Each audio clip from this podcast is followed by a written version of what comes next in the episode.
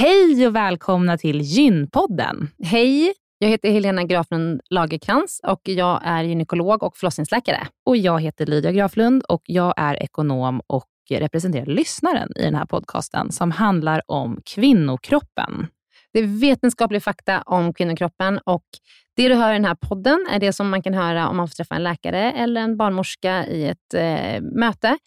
Men ibland så bjuder vi in gäster som berättar om sina personliga erfarenheter och ibland är det också spekulation, men då är det verkligen tydligt att det är spekulation. Annars är grunden för den här podden vetenskaplig fakta om kvinnokroppen. Så är det. Hoppas att ni vill lyssna. Välkomna. Välkomna.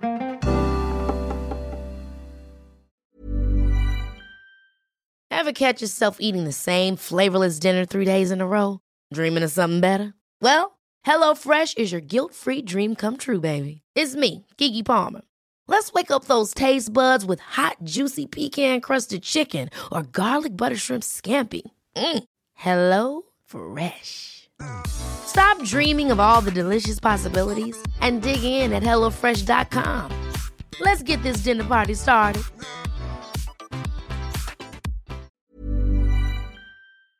Den här veckans avsnitt av Gynpodden är sponsrad av Ester Care. Och Helena, det är ju det bolaget, vårdbolaget, som du och jag har varit med och startat, där vi erbjuder digitala vårdmöten med specialister inom kvinnovård. Precis. Och vi vet att det är väldigt mycket vårdpersonal som lyssnar på Gynpodden, vilket vi är jätteglada för. Och vi behöver alltid fler gynekologer till SDKR. Så därför vill vi nu göra en shout-out till alla er som lyssnar ute som vill vara med och förändra svensk kvinnovård. Vi söker specialister inom gynekologi, men också ST-läkare som har kommit en bit in i sin ST och som vill arbeta digitalt eh, med handledning på, hos oss på SDKR. Mm. Och precis som det är för våra patienter som kan söka vård hos oss, det vill säga att de kan bo vart som helst i landet eftersom vi är digitala. Om man laddar ner appen och så bokar man ett vårdmöte, så kan ju även läkaren bo vart som helst i landet eller flytta under tiden man jobbar hos oss. Det är ju väldigt, väldigt flexibelt eftersom eh, man jobbar hemifrån. Och Jag tänker att det måste ju också vara helt underbart att som läkare kunna arbeta hemifrån och planera sin egen tid några dagar i veckan. Ja, verkligen. Och samtidigt vara med och förändra kvinnovården med kollegor som är otroligt drivna och engagerade. Det är jätteroligt att jobba på SDKR. Och jag tycker att det här är en häftig grej som vi gör just nu, att vi erbjuder gyn, äh, gynvård i hela landet. Och vilka är de vanligaste patientmötena du tar, Helena? Ja, men det är ju klimakteriet, eh, PMS, eh, mensbesvär. Och det är ju såklart ärenden och eh, diagnoser som går att hantera digitalt. Men vi remitterar också vidare när det behövs mm. Eh, och tar labbprover när det behövs mm. och så vidare. Mm. Så gå in på sdcare.com, klicka på jobba hos oss i menyn för att läsa mer och skicka in en ansökan. Tack så mycket. Tack och välkomna. Jag tror att många känner som jag just nu en stor sorg för vad som händer i Ukraina Eh, Eh, att man känner att man vill på något sätt kunna hjälpa till, men kanske inte vet exakt hur. Ett tips från oss på Gynpodden är att bidra till flyktingarna som lämnar Ukraina just nu, vilket man kan göra via UNHCR, som är FNs flyktingorgan. Eh, krisen drabbar både barn och familjer och liv och säkerhet är i fara och UNHCR är på plats. Så man kan bidra med eh, olika typer av summor som, som kommer att hjälpa människorna som är på flykt just nu. Ett exempel är 370 kronor räcker till ett akut nödpaket som räddar eh, livet på människor som eh, är i en akut situation idag. Och eh, om man bidrar till UNHCR så eh, dubblas din gåva av Akelius Foundation. Så gå in på unhcr.se eh, och eh, bidra helt enkelt. Tack. Du lyssnar på en podd från Perfect Day. Hej och välkomna till Gympodden. Hallå! Hej. Hej. Eh, jag heter Helena. Och jag heter Lydia. Kan inte få använda hela mitt namn idag? Helena jo. Graflund Lagerkrans. Wow, det är så fint. Det, är, det är ett fint namn. Det är långt. långt. Ja. Ja. Jag tänker bara att eh, det är mitt namn. Vad heter du? Jag heter Lydia Maria Charlotta Graflund. Choklada. Choklada Graflund. Även kallad mm. när jag var liten. Ja. För att jag tyckte om choklad. Mm. Ja. Eh, och eh, Vi ska idag spela in eh, del två av Hormoner, hormoner, hormoner med Hilde Löfqvist. Välkommen tillbaka. Tack så mycket. Så glad att du eh, orkar eh, ta dig hit igen. För Det var ju så att förra avsnittet blev ju så intensivt. För Ja. att Lydia, Ja. Vi pratade lite efteråt. Lydia, vad känner du när vi pratar om det här, som i, efter förra avsnittet? Mm. Ja, men jag känner att det här området är så stort och eh, min hjärna söker ju efter tydliga riktlinjer, Mm. tydligt strukturerat, hur fungerar det här? Och det finns ju inte riktigt, för att det, det är liksom ett stort område, det är individuellt anpassat efter kvinnan som sitter framför en och eh, det beror på liksom situationen hela Mm. tiden. Så att det Mm. finns ju inte one size fits all, det har ju vi landat i. Mm. Och Sen så kände jag även när vi spelade in, jag var ganska tyst under det Mm. avsnittet till en början, Mm. men det var för att jag satt och lyssnade så mycket. Och eh, Det kan ibland vara svårt att hänga med. Så, att, Mm. så att jag har ju behövt lyssna på det här avsnittet flera gånger för Mm. att ta in informationen som ges. Mm. Och Det är ju för att det är så många ord som man inte kanske kan sen innan. Mm. Eh, så att när ett ord sägs så behöver man fundera på men vad betyder det där nu igen. Mm. Och vad var det? Och då har diskussionen, eller då har liksom vår, eran dialog då redan gått vidare till nästa område. Mm. För det här är sådana självklarheter för er. Mm. Ehm, så att eh, ja, jag satt och kände mig lite småkorkad. Men jag tror Mm. faktiskt att, att liksom, vi är nog flera som kände så när man lyssnar på det avsnittet. Men, Mm. att, men att det är väldigt, väldigt bra information och att man eh, får bara lyssna flera gånger. Mm. Och sen kan, det, det kanske också var lite riktad information, till exempel när vi pratar om det här med bioidentiska eh, eh, alltså gulkroppshormoner. Då kan jag tänka så här, de som är intresserade av att veta om det, de är lite på där. Och, Ja, och, och då vill jag liksom rikta den informationen att det finns i Sverige nu och man kan liksom be läkaren förskriva detta på, på det här och det här sättet och det ska tas i den här och den här dosen. Mm. Men, men om man inte är intresserad av bioidentiska hormoner, då, kan man liksom, då behöver man inte lägga så mycket eh, tid och tankeverksamhet på det. Då kan man släppa det. Ja. Så att det, är också så här, det, det är lite riktat till de som har de frågeställningarna. För vi vet ju, vi får in mycket frågor om till exempel bioidentiska hormoner. Just det. Och Sen pratade vi ju eh, om, om diskussionen kring hormoner som finns i samhället Mm. i stort också. Och, och Den kan jag ju verkligen identifiera mig till. För att, eller identifiera mig med, eller Mm. den diskussionen som pågår. För att det finns ju eh, väldigt olika eh, åsikter kring hormoner eh, som är ganska polariserade, skulle jag säga, mellan läkare och vetenskap och eh, en annan sida som tycker Mm. annorlunda. Mm. Och den, har vi ju, den pratade vi om i det avsnittet. Men ska vi introducera vår gäst, Hilde, även om Mm. hon har varit här tidigare? Där är hon, där sitter hon, Här sitter redo hon. att besvara alla era frågor.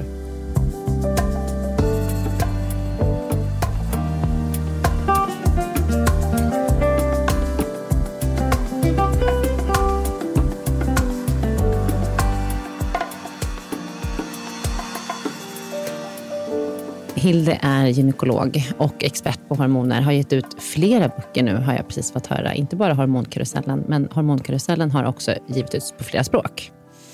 Och eh, arbetar delvis som eh, gynekolog i öppenvården, men nu också föreläsare, kurser, är med i olika debatter om just eh, hormonell behandling. Mm. Men eh, en sak som jag tänkte på, som vi diskuterade lite efter förra avsnittet, det var ju det här med som Lydia var inne lite på det här, att one size fits all, att det inte är så. Men vad är liksom svårigheten för oss läkare att ge råd och eh, liksom rådgivning eh, kring det här, om man säger jämfört med alla de lite mer alternativa mm, informationskällor som Ja, finns på människor sociala som medier. inte är läkare, Ja. helt enkelt. Ja, alltså vi läkare, vi har ju ögonen på oss. Vi måste ju hålla oss till vetenskap och beprövad erfarenhet. Och det är så viktigt.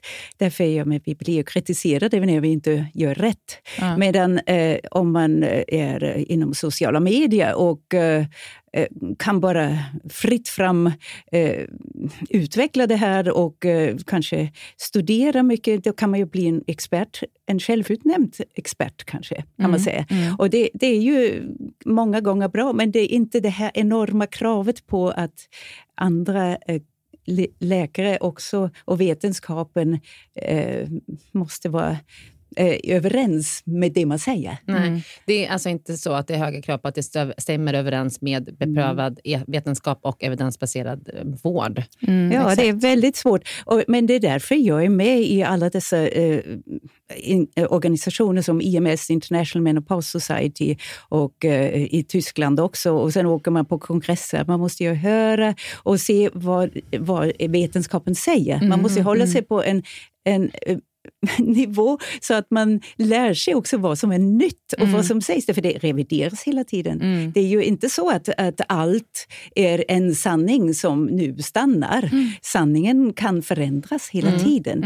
Och då tror jag att det är ju bra alltså att det finns så mycket eh, nu som eh, vänds upp och ner. Därför även vi läkare vänds upp och ner och det behöver vi ju. Därför vi måste tänka till. Mm. Mm. Men idag ska vi svara på eh, era eh, lyssnar, eller ni som lyssnar, era frågor som är ställda på vårt eh, Instagram som är Gynpodden. Gå in och följ oss på Gynpodden och ställ frågor och kommunicera med oss där.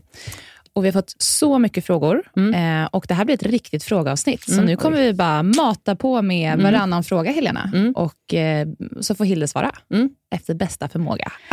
Oj. Kör Lidia, börja Ja, du. jag börjar. Första frågan tar jag då. Den är ganska lång. Mm. Fick efter en period påslag av manliga könshormoner på grund av långvarig stress.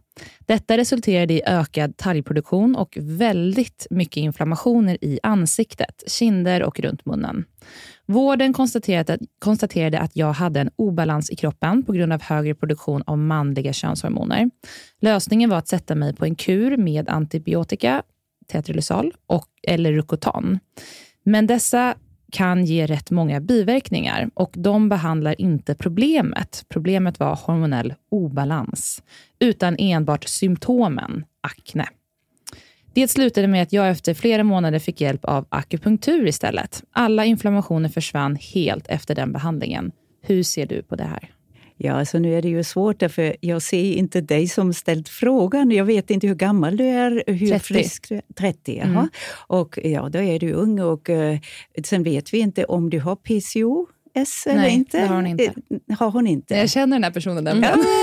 Ah, och vi har pratat mycket om det här. Det här är ett liksom Ja. intressant eh, case Jag skulle för vilja veta, hur vet hon att hon fick ett, ett eh, ökat påslag av manlig könshormon? Hur vet hon det? Det kan jag däremot inte svara Nej. på, men hon visste det. Men, men det var ju det här med akne, Mm. eller hur? Men man kan få akne av andra saker än, Ja. Än testosteron. Så att, eh. Eller androgener. Mm. Men det är klart, stress betyder mycket. Men stressen la sig ju, alltså, vad man nu än gör. Alltså, men vad är då akne? Det är ju en inflammation i talgkörteln. Och då blir det ju, även i olika åldrar, vi har alla talgkörtlar. Och Mm. eh, blir det en inflammation och bakterier kommer till, ja då blir det ju jobbigt. Mm. Då, då, då är det ju alltså, något man vill behandla. Och blir det mer och mer, det kan ju vara en obalans på grund av en inflammation i kroppen. Mm. Och då är det ju inte hormoner i första hand. Nej. Okej, så att i det här fallet så kanske det inte var att det var en hormo- hormonell obalans, menar ni? Ja, jag har inte hört att man får ett androgent påslag av stress. Har du hört det, Hilda? Vad är androgent påslag? Alltså, Alltså, alltså, manliga, Ja. manliga könshormoner. Faktiskt, eh, om man alltså, tänker efter. Mm. Vi har ju ett väldigt allvarlig, en väldigt allvarlig sjukdom, det heter Cushing. Mm. Där har vi för mycket kortisol, Mm. eller hur? Mm. Och där talas ju också om att det blir helt enkelt för mycket av alla andra hormoner också. Mm. Och det blir ju många gånger eh, också för mycket manliga hormoner hos dem. Men det har ju inte hon. Men det har inte hon, Nej. nej. Men jag säger bara att det här extrem Ja. från eh, vad vi har inom medicin. Det är mycket, mycket ovanligt. Mm. Och, eh, men alltså, om man då tänker sig eh, att det är för mycket kortisol i kroppen, ja, det är klart det, det påverkar ju allt annat också. Ja, du menar så, att Mm. stresshormonet Ja. kortisol Ja. påverkar dig. Det kan, jag, Mm. det kan jag absolut det kan jag skriva under på. Men jag tänker så här. Har det någonting med testosteron att göra? Nej, alltså... Inte direkt, nej. Nej. Men alltså, det är ju indirekt, för man måste ju tänka på binjuren ändå. Mm, Mm. sant. För i binjurarna produceras både manligt könshormon och, Kvinnlig kön. Ja, alltså allt. ja, men också kortisol som är ett Ja, stresshormon. kortisol. Så det är klart Mm. att det kanske kan ha en viss påverkan. Men jag tänker så här, hade hon eh, regelbunden mens, då, då kan hon inte ha ett sånt högt påslag av manligt, manligt könshormon så att hon liksom får akne, för i första hand blir ju mensen påverkad. Så jag Ja. tänker att hon kanske hade ett högt påslag av stress. Hon utvecklade någon slags inflammation i kroppen, liksom ett påslag av inflammation i kroppen och av detta fick hon akne. Ja. Och Då tycker jag att det är korrekt att man behandlar aknen. Och Sen så la sig hennes stresssymptom och då försvann aknen. Och Det kanske la sig på grund av akupunkturen, för vi vet ju att akupunktur fungerar mot till exempel, eller nu säger jag vi vet, jag tror att det fungerar mot stress. Vet du vad jag tror? Vi ska ha ett eget avsnitt om akupunktur, det har jag sagt tidigare. Men vet du, jag Mm. tror det är två saker. Det ena är ju då alltså att hennes stress, eller hennes eh, mående, det blev bättre just med akupunktur. Ja. Och det andra det var den här inflammationen, det gick ju över genom att må det bättre. Och så, jag menar, Ja, det okej. ena gav det andra. Man vet Mm. inte vad hönan och ägget är i det här. Nej. Men jag tycker inte att man ska sikta på att försöka ta bort något manligt överstimulerat liksom, syndrom. Utan det, jag tror att det, var, Det ändå här- var rätt. Det här är nog... Eh, jag, jag ser det här som en vanlig situation där kvinnor tror att läkaren snarare behandlar just eh, symptomet Mm. än orsaken till problemet. Mm. Men där man kanske då... Det ni menar då är att orsaken till problemet, det stämde inte här riktigt. Alltså att, att man tänker fel då vad som var orsaken till problemet. Men, men om vi skulle säga så här, ehm, eh, till den här patienten, jag ska säga till den här patienten, du, jag tror att du måste sluta stressa. Det är problemet. Mm. Då kommer hon bara så här, vad fan är det för svar? Nej, Ge men mig hon- ett svar, ge mig hon- någonting mot min akne. Jag fattar, men hon säger ju att hon tror att problemet, Mm. det är ju för sig den långvariga stressen, Mm. men att, att det kommer också från ett påslag av manliga könshormoner. Ja, som berodde på långvarig stress. Där Så- har vi exakt, återigen exakt. en sån Det- här fa- eh, Fake fel, ja, fel Det är fejk. slutsats. Ja, för det var Mm. det jag ville komma fram till, att det här var nog fel då. Ja, det Ja. var nog fel. Det hade hon nog googlat sig fram till. Fel Nej, men- slutsats. Ja, men jag tror det. Ja, hon var ju hos läkare, det vet jag. Har, de, Ja, har men- de tagit prover och det visade för höga androgenvärden? så mycket vet jag inte. Nej, alltså- Nu backar jag ur den här Ja, situationen. backa ur den här situationen och så får du prata med din kompis. Och så vill vi ha lite mer, Hilde, vi vill ha lite mer fakta om det här fallet. faktiskt. Ja, okej. Ha- Tog hon tester som visade att hon har höga östrogen, eller förlåt, testosteronhalter, då får vi gå hem och läsa på. Precis, då får vi komma tillbaka. Vi får återkomma till det. Okej. Nu är det min fråga. Ja. Östrogendominans, finns det? Det är ju ett litet eh, modebegrepp nu. Det är ett modebegrepp Mm. verkligen. Men samtidigt har vi ju den normala östrogendominansen i, i follikelfasen som det heter så vackert. Från precis eh, början, alltså när mensen har mer eller mindre avslutats och fram till eh, ägglossningen. Det är en äkta östrogendominans, därför Mm. då har vi inget gulkroppshormon. Det kommer först efter ägglossningen. Mm. Men sen har vi då östrogendominans, ja, det säger man ju om det är mycket östrogen i kroppen kanske. Mm. Och när uppstår mycket östrogen i kroppen? Ja, det kan ju vara i klimakteriet när ägglossningen inte fungerar, när alltså progesteron sviktar. Mm. Där har vi också en äk- ja, normal östrogendominans i relation till progesteron, alltså gulkroppshormon som Mm. vi säger. Men sen har vi det tredje, när man är väldigt överviktig. Mm. Då eh, har vi det här i i fettvävnaden. Det är ju otroligt att fettcellerna är endokrina organ.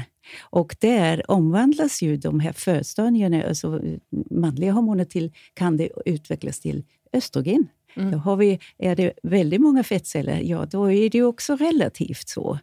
Eh, därför då aromatasaktivitet som det heter, det är ju en enzym som då för över från manliga hormoner till kvinnliga.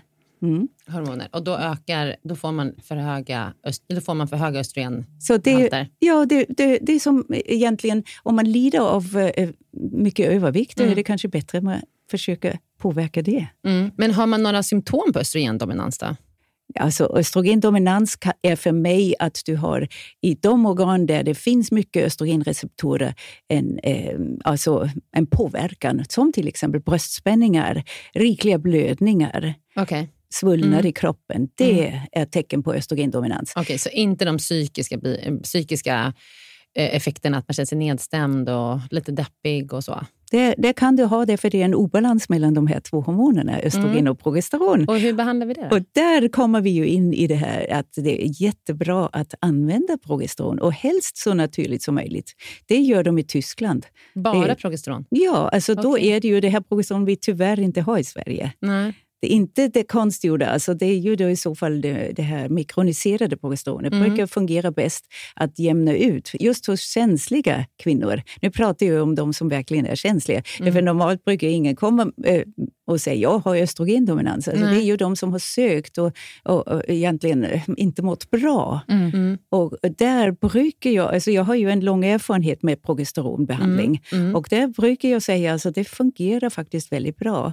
Men eh, det kan vara en viss känslighet också för det mikroniserade progesteron. Alltså, Mm. Även det kan ha biverkningar.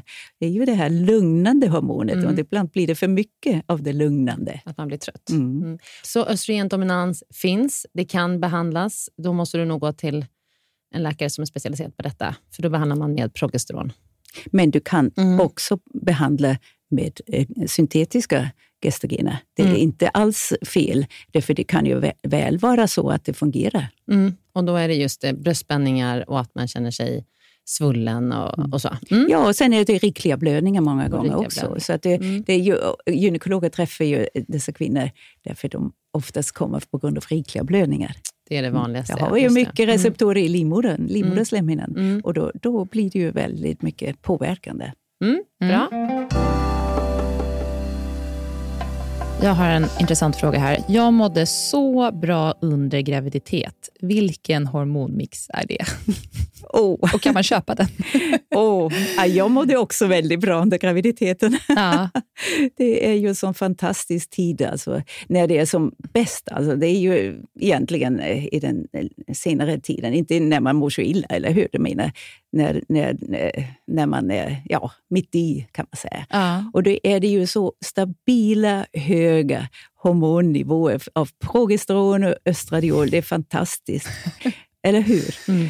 Alltså- ja, jag, vet, jag har inga barn, så jag vet inte. Du tittar på mig. Det var inte min fråga. Nej, Nej. okej. Nej, men alltså det här, om man skulle kunna ha det hela livet, ja. Men det är ju naturligtvis eh, inte möjligt. Men man kan ju eh, efterlikna det här med ett, ja, p-piller till exempel. Mm. Det går Mm. bra. Mm. Så här kommer, vi, här kommer vi in på att p-piller, en del mår inte bra på p-piller psykiskt och en del mår jättebra på det. Mm. Hur påverkar hormoner libido, alltså sexdriften? Ja, om du tänker på en liten flicka, hon vet inget om libido. Men sen kommer hon i, eh, puberteten och då börjar den här hormonstormen. Och där är ju då libidon också naturligtvis. Varför det? Därför det blir mycket av eh, alla dessa hormoner vi har pratat om. Östradiol, testosteron, allt det här Mm. börjar ju verka. Libido Mm. är sexdrift. Ah, Och då Ja, börjar hon ju leta, eh, ja, känna dessa Mm. känslor, sexuella känslor.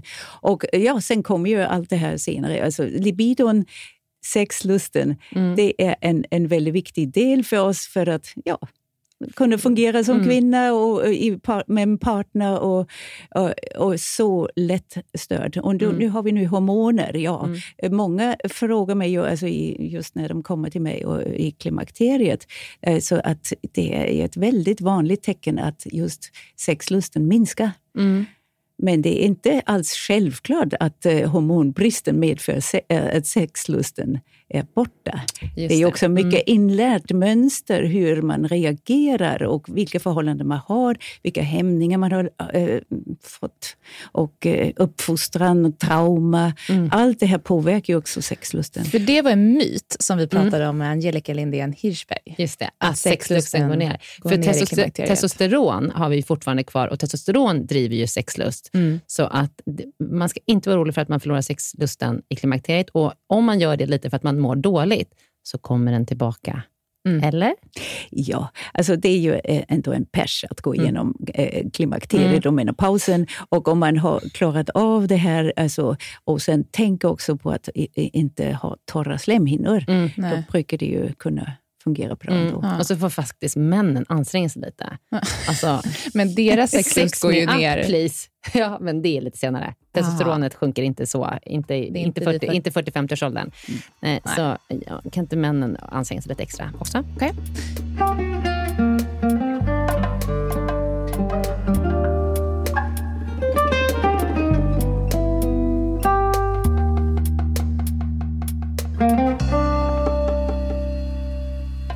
Nattliga svettningar under mens står på p-piller. Vad beror det på? Ja, alltså p-piller, om det är kombinerade p-piller har du oftast en tre veckors period och sen är det en vecka eller mindre nu för tiden eh, med paus med hormoner. Och i, den här fasen, ja, det beror ju på hur känslig du är att du märker eh, just att du inte har hormoner just då. Och då får du ju svettningar därför det är en skillnad från den här höga nivån mm. till den mm. lägre nivån. Så det är inte ett tecken på klimakteriet då? Det beror på vilken ålder du är i. Mm, okay. mm, jag tänker, är, kan det vara tecken på förklimakteriet? Om, om hon är 30? Jag har faktiskt ingen aning om bara 30, nej, men då är det ju bara att hon är känslig för ja, hormoner. Okay. Mm. mm. Men om man är det... Jag har ju kvinnor som äter p-piller och sen märker de, alltså, inte så mycket, för de äter ju dem och sen har de den lilla pausen och då blir de mer känsliga när de är äldre. Mm. Men då kanske det kan vara så att, att de har fått den här ökade känsligheten mm. på grund av att de är äldre och närmare menopausen ändå. Men egentligen kan ju inte så höga hormonnivåer eh, eh, så som man får genom p-piller påverka klimakteriet direkt. Det knyter ju an till lite en annan fråga här, mm. som vi kanske kan ta i koppling till det bara. Man, mm. Blir man känsligare för hormonförändringar med åldern? Du var inne på ja, det nu. Ja, det gör man. Mm. Jag mår illa från mensen sista dag fram till ägglossning. Vad beror det på? Sista dagen av mensen menar du? Från, jag mår illa från mensens ja, sista dag fram till ägglossning. Ja, den bästa fasen i livet. Mm. ja, det är oförklarligt. Jag förstår inte. Nej. Hur kan det vara? Hur, vad äter du? Har du mm. kanske någonting som det, eh, tar någon medicin eller någon, någon annan orsak? Men mm. egentligen finns ingen hormonell förklaring till detta. Nej. Östrogen är halvhögt, progesteron är lågt. Ja. Och eh, nej, vi kan inte hitta någon orsak till det i just de könshormonerna. Nej, tyvärr. Jag har PCOS och vill veta om mina hormoner är i balans. Vart vänder jag mig för sådana prover? Till exempel för att veta vilket kosttillskott som passar mig och att följa upp så jag vet att jag blir bättre på det jag tar. Ja, PCOS. Du vet att du har PCOS. Mm. Mm. Så du har alla dessa symptom eh, eh, och oregelbunden mens och allt sånt här. Eh, och då antar jag att du inte har någon behandling med p-piller. Därför annars skulle du inte fråga efter hormonnivåer. Alltså det är ju det att man kan ju inte ta prover när man står på p-piller, för det mm. döljer ju det, det här Just viktiga. Det. Mm. Men eh, om du nu vill veta, absolut, det är klart man kan testa eh, om det går till en läkare och ta fritt androgen. Alltså fritt äh, testosteron heter det ju. Mm. Då har man äh, sådana värden som man tar hos läkare, som är det här bindande proteinet för testosteron och eh, sen tar man eh, hela testosteronet, den här kvoten emellan. Alltså det är ju så man räknar ut det här. Mm. Och då kan man jämföra naturligtvis om du ligger på en hög nivå eller inte. Mm. Men jag tycker väl att eh, du ville ta några kosttillskott. Frågan är ju, vad vill du nu? Vill du bli gravid eller är det eh, bara att du inte mår bra? Du måste ju tänka på allt det andra som kan påverka. Det är ju vikten och vad du äter mm. och att du tränar. Mm. Och det har vi pratat om i PCOS-avsnitt nyligen med Angelica mm. Lindén Hirschberg. Mm. Träning och motion är så viktigt under PCOS. Mm. Och ha ett bra BMI. Att, ja, och att ha ett bra BMI. Mm. Det är viktigt för alla. Mm. Mm. Och under klimakteriet, om inte eller ja. är det jätteviktigt. Mm. Ja, det där med PCOS, en sak kanske är också att man måste ju tänka på det här att man har så lätt eh, att um, gå upp i vikt förstås, men också att det här med insulinkänsligheten är eh, lite annorlunda än hos de som inte har PCOS. Mm. Eh, insulin befrämjas ju genom att man äter mycket kolhydrater. Alltså, och då måste vi verkligen tänka på kost. Det, där har vi en viktig faktor med kost. Mm. Och vi läkare kanske pratar för lite kost. Mm. Och, och, där ska vi säga, alltså, ät inte för snabba kolhydrater se till att du har en kolhydratfattig kost. Mm. Mm. Hur viktigt är det med en hormonspiral under sin preklimakteriefas? Nu har vi lite redan svarat på det, för det var det här med östrogendominans när man är, är i sin eh, tidiga klimakteriefas, man har mycket blödningar. Hur, ja. hur viktigt är det med hormonspiral då? Ja, det är jättebra för blödningar. Mm. Men det hjälper det också att du kan lägga till östrogen så småningom, mm. utan att behöva tänka på eh, hur det skyddar livmoderslemhinnan. Det är väldigt bra faktiskt. Mm. Alltså, och, och, långt in i menopausen också, byter hormonspiral, då är du alltid blödningsfri. Mm. Och har det här skyddet i, i låg dos. Mm.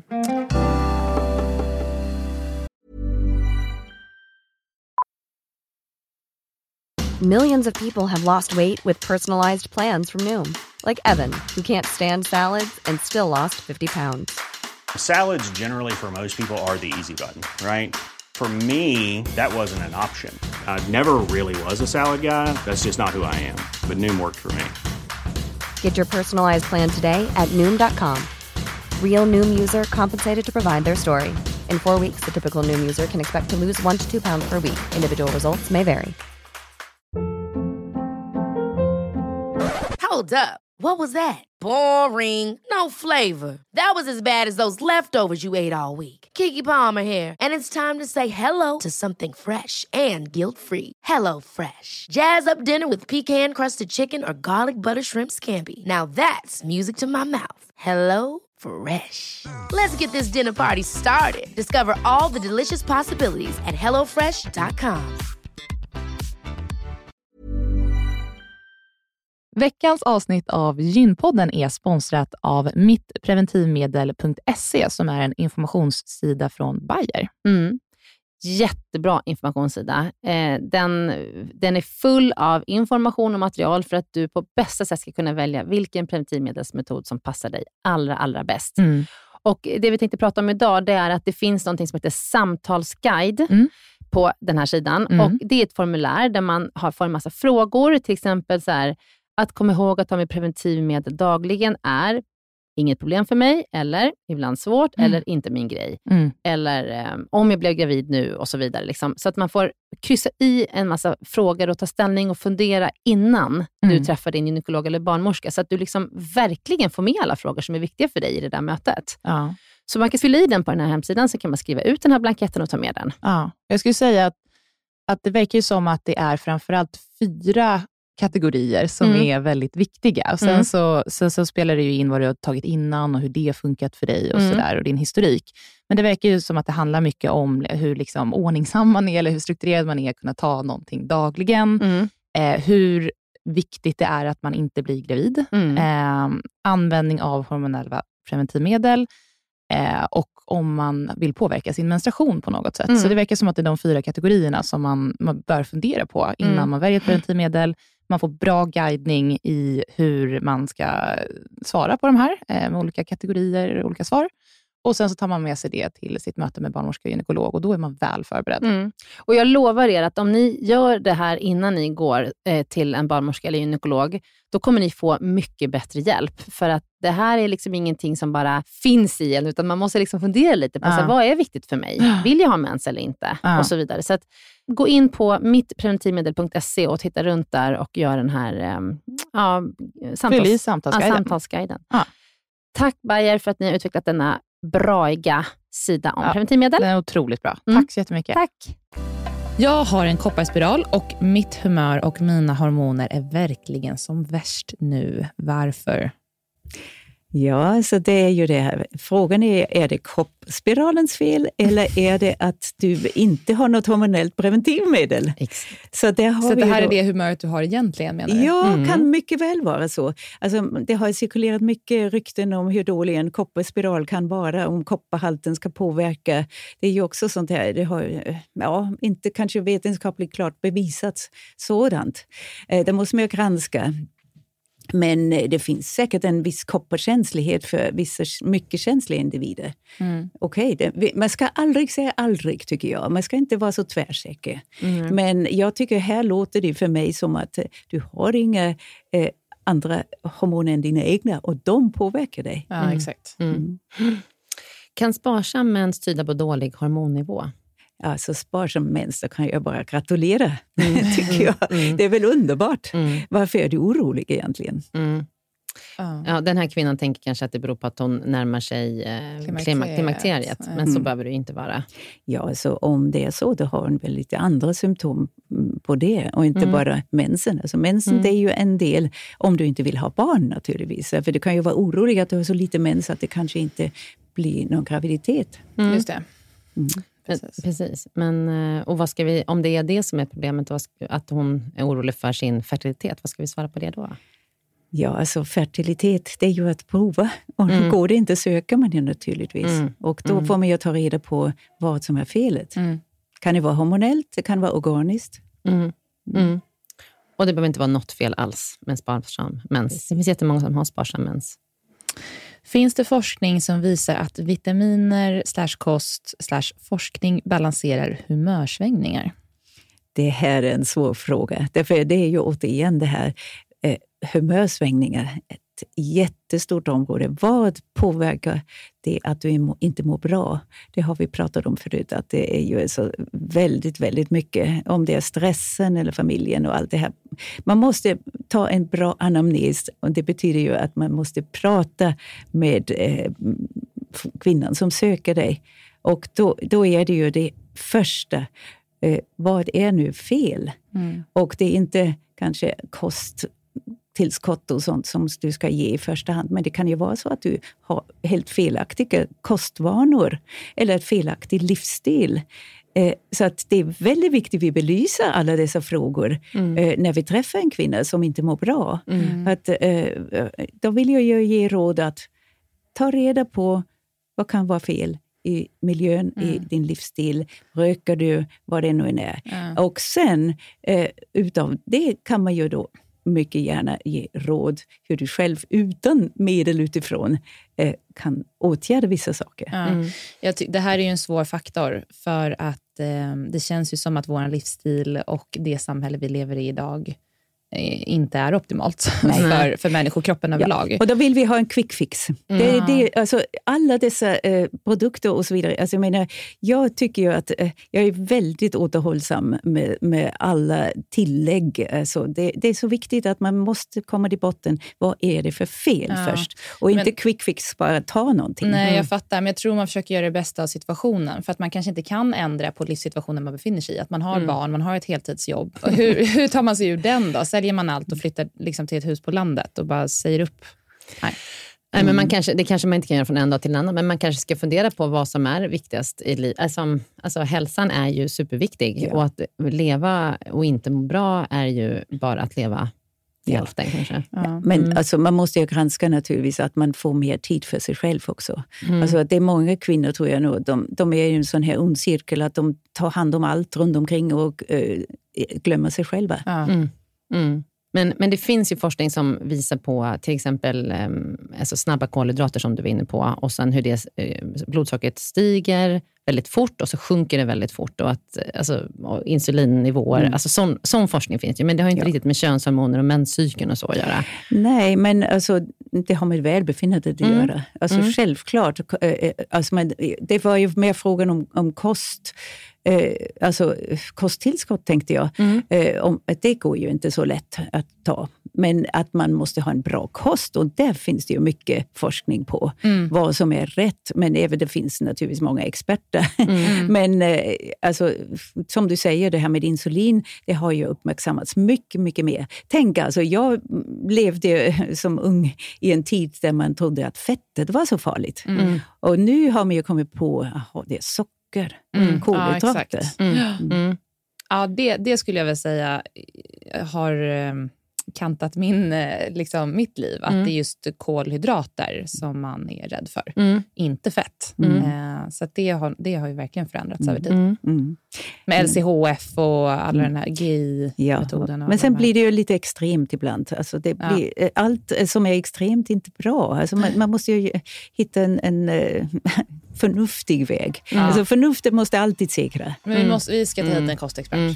Det måste vi göra.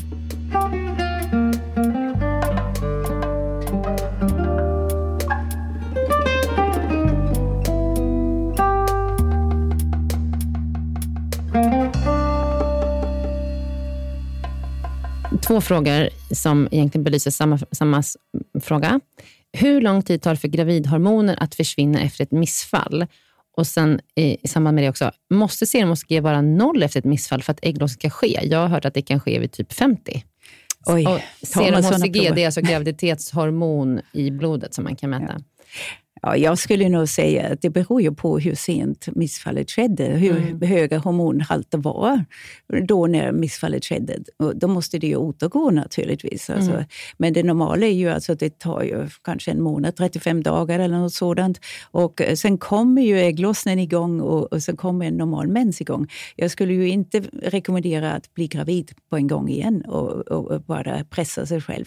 Men inte ta massa blodprover heller. Lita Nej. på din natur. Mm, invänta en ägglossning, brukar, eh, en ägglossning och en mens brukar vi rekommendera. Ja. Men eh, jag som, eh, vi mäter ju de här på sjukhuset ibland. Till exempel om man är lite osäker på Mm. Just om det. är missfall eller om det är ett utomkretshavandeskap. Och, Yes. så. och då ser man att, att det är väldigt individuellt.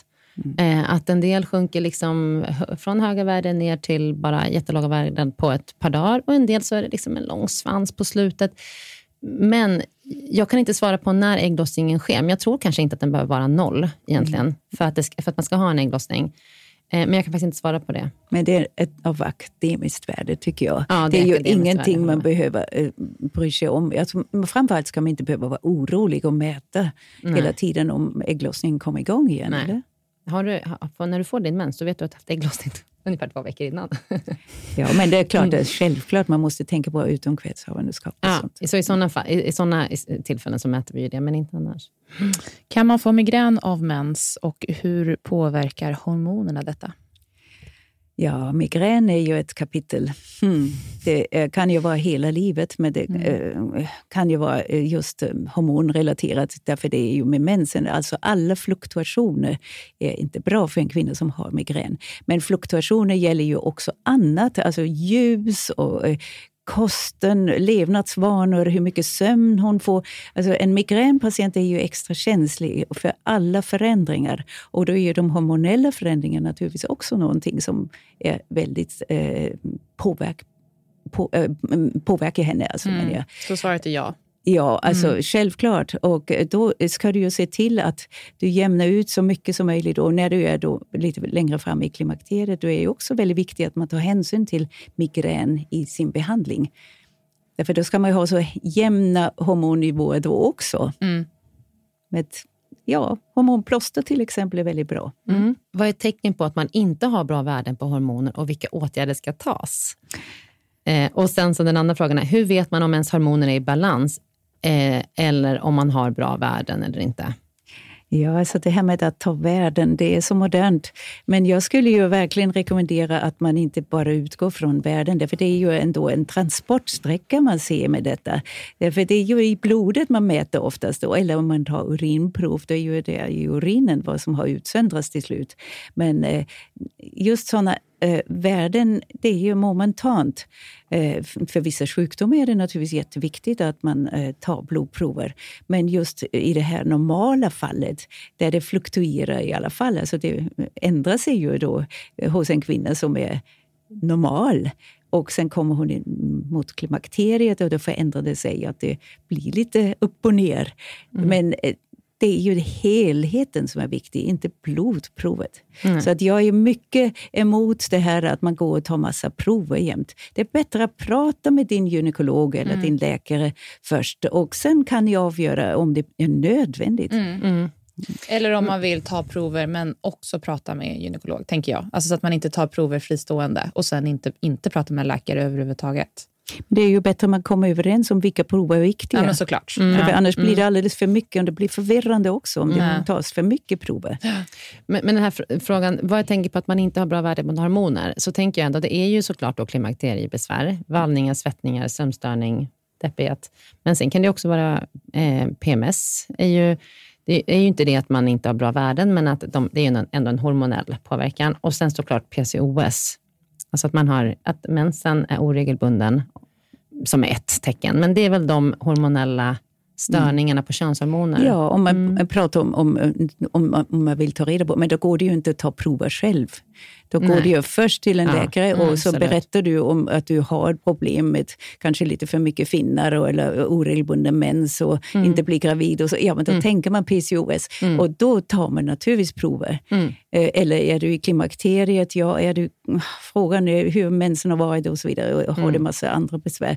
Då, är klart, då, då kanske man vill eh, verifiera, alltså, bekräfta att det verkligen är så som, som du menar. Om, speciellt om du är väldigt ung Mm. och har hormonsvikt. Mm. Alltså det finns många, många tillfällen där det är bra, men det är alltid ihop med en konsultation Mm, tycker jag. såklart. Mm. Det är mycket enklare, det är svårt annars. Mm.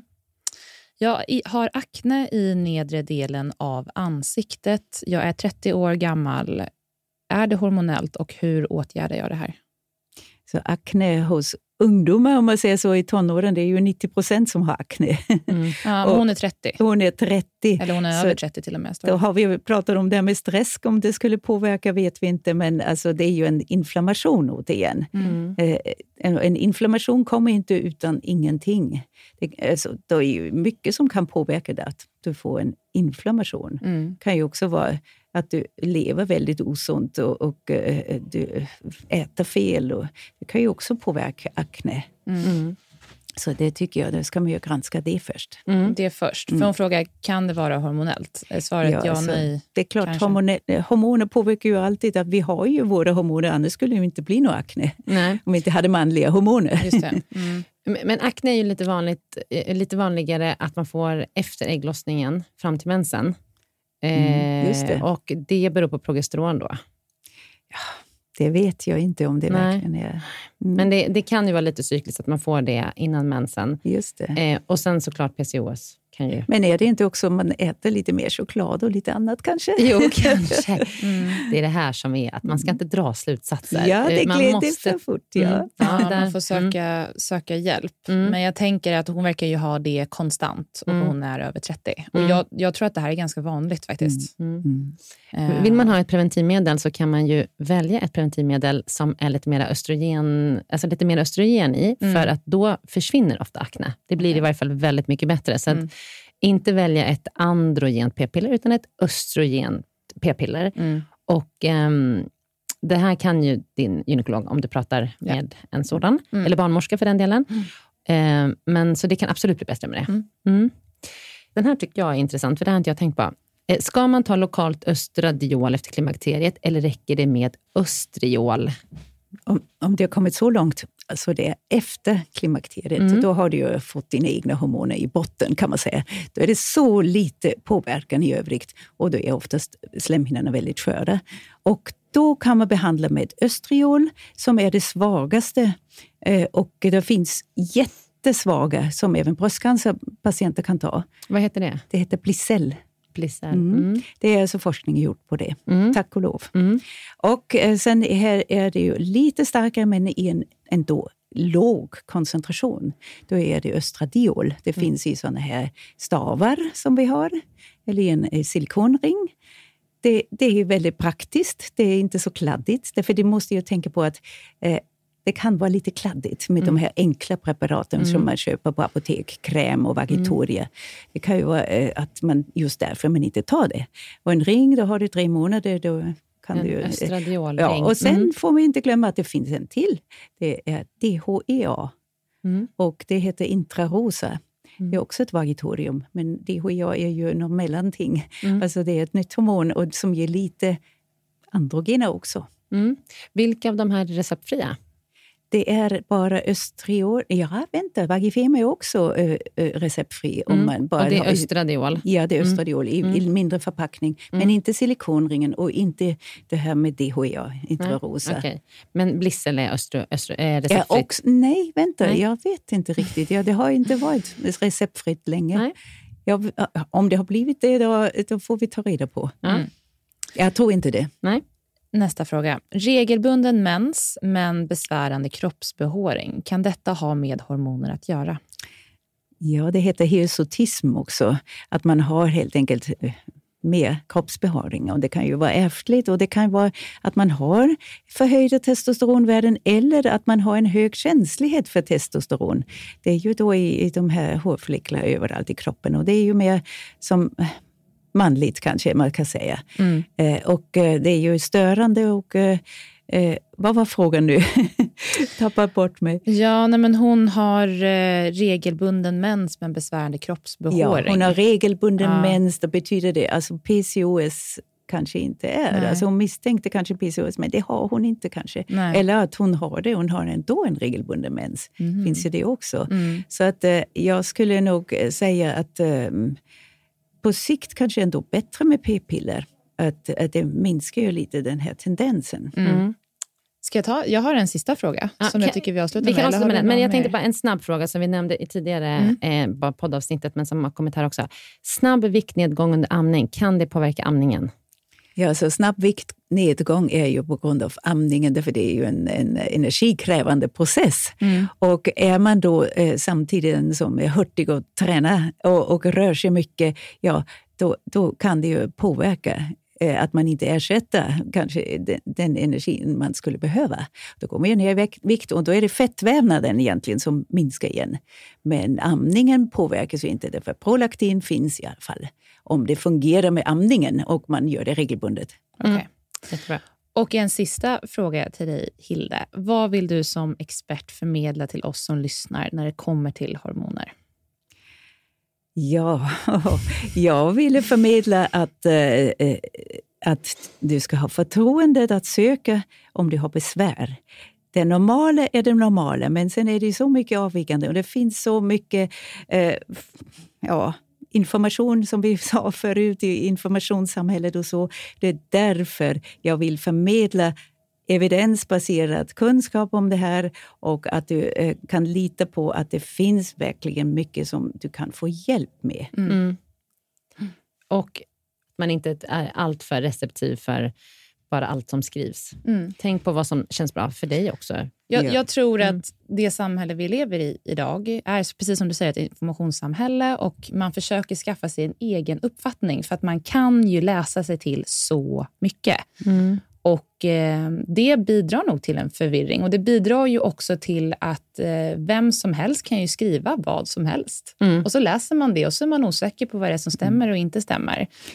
Men i det här fallet vill vi slå en, ett slag för vetenskapen och att läkare vet mycket och att det har researchats mycket på det här området och prata med din gynekolog. Mm. Ja, alltså, det finns mycket kunskap ute i samhället, verkligen. Ja. Och det är inte bara läkare. Alltså, nu ska vi ju säga att det finns väldigt mycket kunskap inom många, många områden. Mm. Inom medicin. Mm. Och eh, då är det ju bara alltid granska källan. Mm. Det är viktigt. Alltså att det kan ju vara helt felas, felaktiga slutsatser som har dragits. Just det. Och det är det, man måste tänka kritiskt. Ja, Det ska vi inte glömma. nej. Det tycker jag är faktiskt viktigt att, att, att benämna. Att det kanske är det är med, med gott uppsåt och det verkar logiskt och rationellt. För det kan det göra många gånger när jag läser information som du, Helena, säger är felaktig. Till Mm. exempel så kan jag tänka så här, men det här tycker jag verkar stämma, för det verkar så logiskt. Mm. Men att det kanske är fel slutsats som har dragits. Mm. Och för snabba slutsatser och quick fix. Det ska vi komma ifrån. Ja, Mm. Tusen tack. Vi har inte hunnit svara på alla frågor som Nej, vi har fått in. Men, men jag Oj. tänker så att vi får anledning att komma tillbaka och mycket kommer avhandlas i andra avsnitt, så fortsätt lyssna på Gympodden. Och eh, ja, jag hoppas att, att vi ändå har rätt ut lite frågetecken. Och tusen tack Hilde för att du har kommit till oss Tusen tack. igen.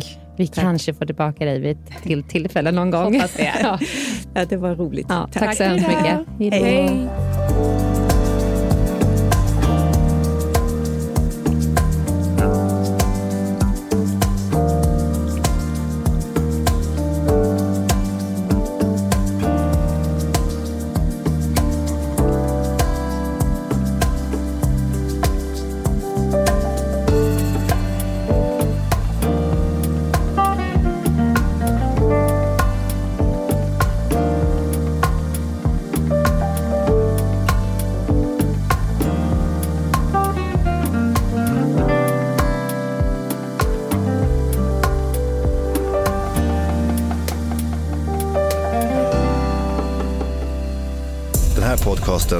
Producerad av Perfect Day Media.